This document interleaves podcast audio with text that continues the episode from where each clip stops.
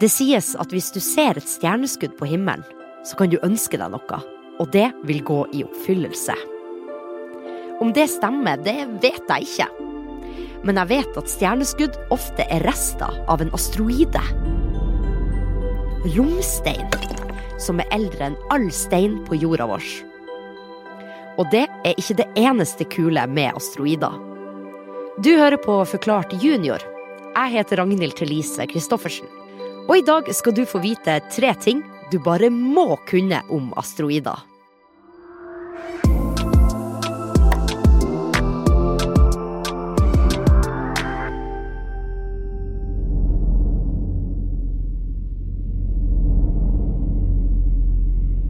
Asteroider det er stein som suser rundt langt ute i verdensrommet. De kan være alt fra 1 meter til 10 000 km i diameter. De beveger seg rundt sola på samme måte som jorda og andre planeter. Og så er de veldig kule. I hvert fall hvis du spør hun her. Jeg heter Victoria Angel og er paleontolog. En paleontolog er noen som jobber med både fossiler, stein, utdødde dyr og planter. For å forstå hvordan livet på jorda var før i tida, og hvordan livet har endra seg siden da. Victoria her syns faktisk at asteroider er så kul at hun har skrevet ei helt ny bok om dem, som heter Asteroider. Og nå skal du få vite tre kule og spennende fakta om asteroider. Asteroider er ikke runde som planeter, men finnes i mange forskjellige former. Altså asteroider og planeter begynte å vokse på samme måte. Ute i verdensrommet da solsystemet ble dannet, så hadde du små og store biter av støv i utgangspunktet. Bitte, bitte, bitte små støvkorn som krasjet og klumpet seg sammen og vokste seg større og større. Så da fikk du til slutt grus og småstein. Så fortsatte grusen og småsteinen å kollidere sammen og bli større og større. Og da de var blitt store nok, da ble de runde. La oss ta jorda som et eksempel. Da trekker tyngdekraften inn mot midten av jorda. Og sånn er det med alle ting som blir litt store, at da får du tyngdekraften trekker alt jevnt innover, og da blir det enklest å være helt rund. Alle klumper og sånn vil bli jevna ut. Sånn som vi ser på jorda, at fjellkjeder f.eks. de stikker veldig opp av jordoverflaten, og de blir slitt ned. Planetene har fått vokse lenge og har blitt store og runde. Men sånn er det ikke med asteroider. Så De har alle mulige former. De kan være avlange, de kan være klumpete. De kan liksom ha litt sånn klumpe på én side og grope på en annen side. Sånn er det òg med kometer. Kometer er også romstein, bare at de ikke går i en jevn bane rundt sola, sånn som asteroider og planeter. Og så har de en hale.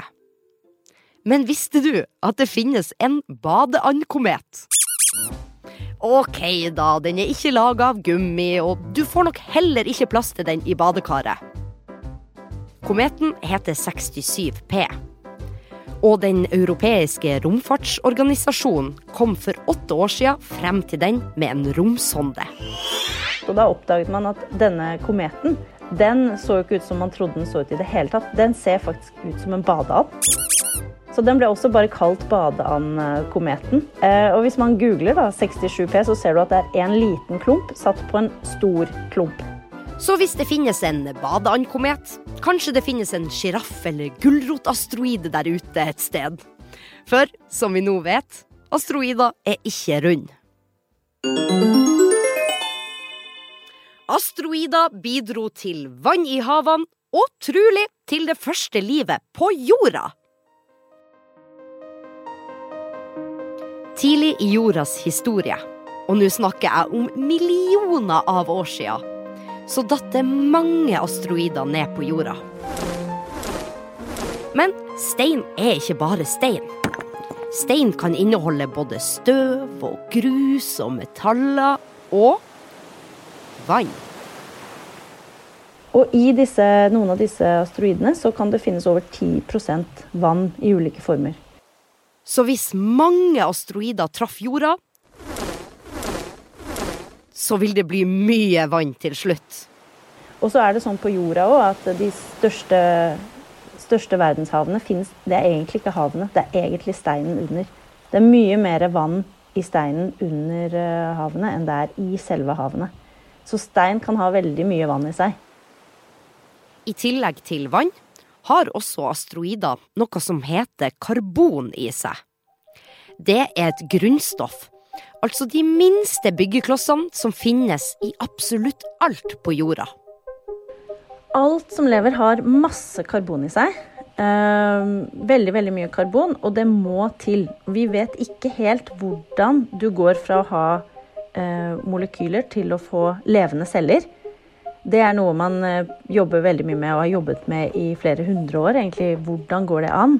Men det vi ser, er at asteroider inneholder de stoffene som må til for å, ha, for å lage en celle. Så vi tror nå at asteroidene kan ha vært ganske viktige for å ta med den slags type karbon til jorda, sånn at livet kunne utvikle seg her. Det er en teori, altså én av mulighetene til hvordan det er liv på jorda. Og det finnes mange teorier på det. Men neste gang du er på sjøen, i båt eller ligger på stranda og ser en levende måse spise en levende fisk fra havet, og bølgene skvulper rundt deg, så kan du tenke at det her, det kan være fordi det datt en stein ned fra himmelen for mange millioner år sia.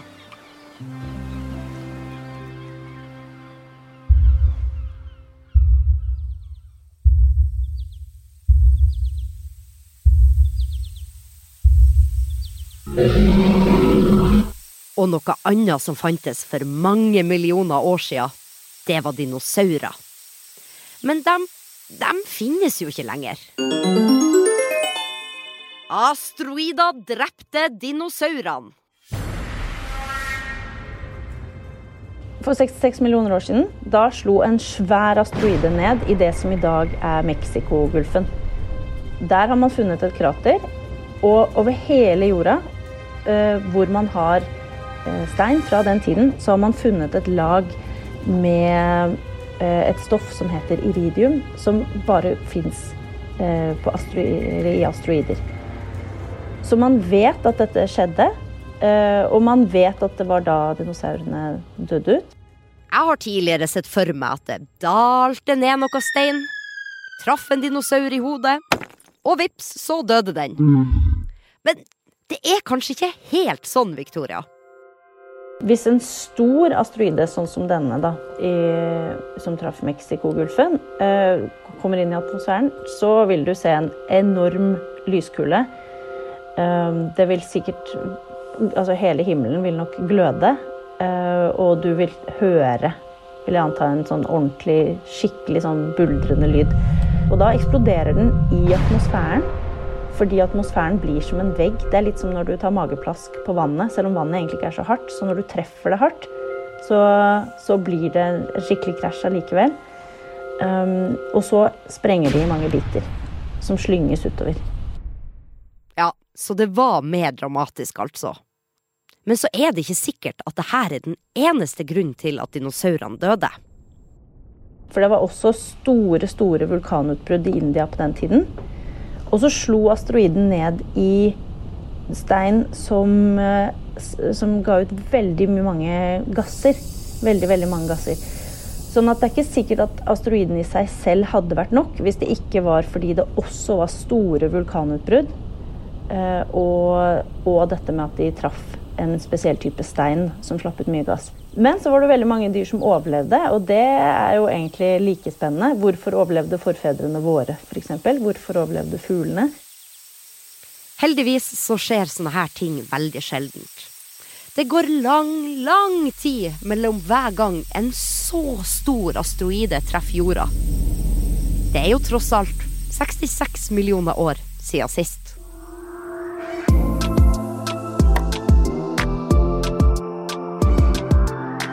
Hvis du har lyst til å vite om noe annet spennende, merkelig eller kanskje litt rart, så send det til meg. E-posten min er rtk.alfakrøllaftenposten.no. Du har hørt på Forklart junior. Jeg heter Ragnhild Thelise Christoffersen, og jeg har også produsert denne episoden.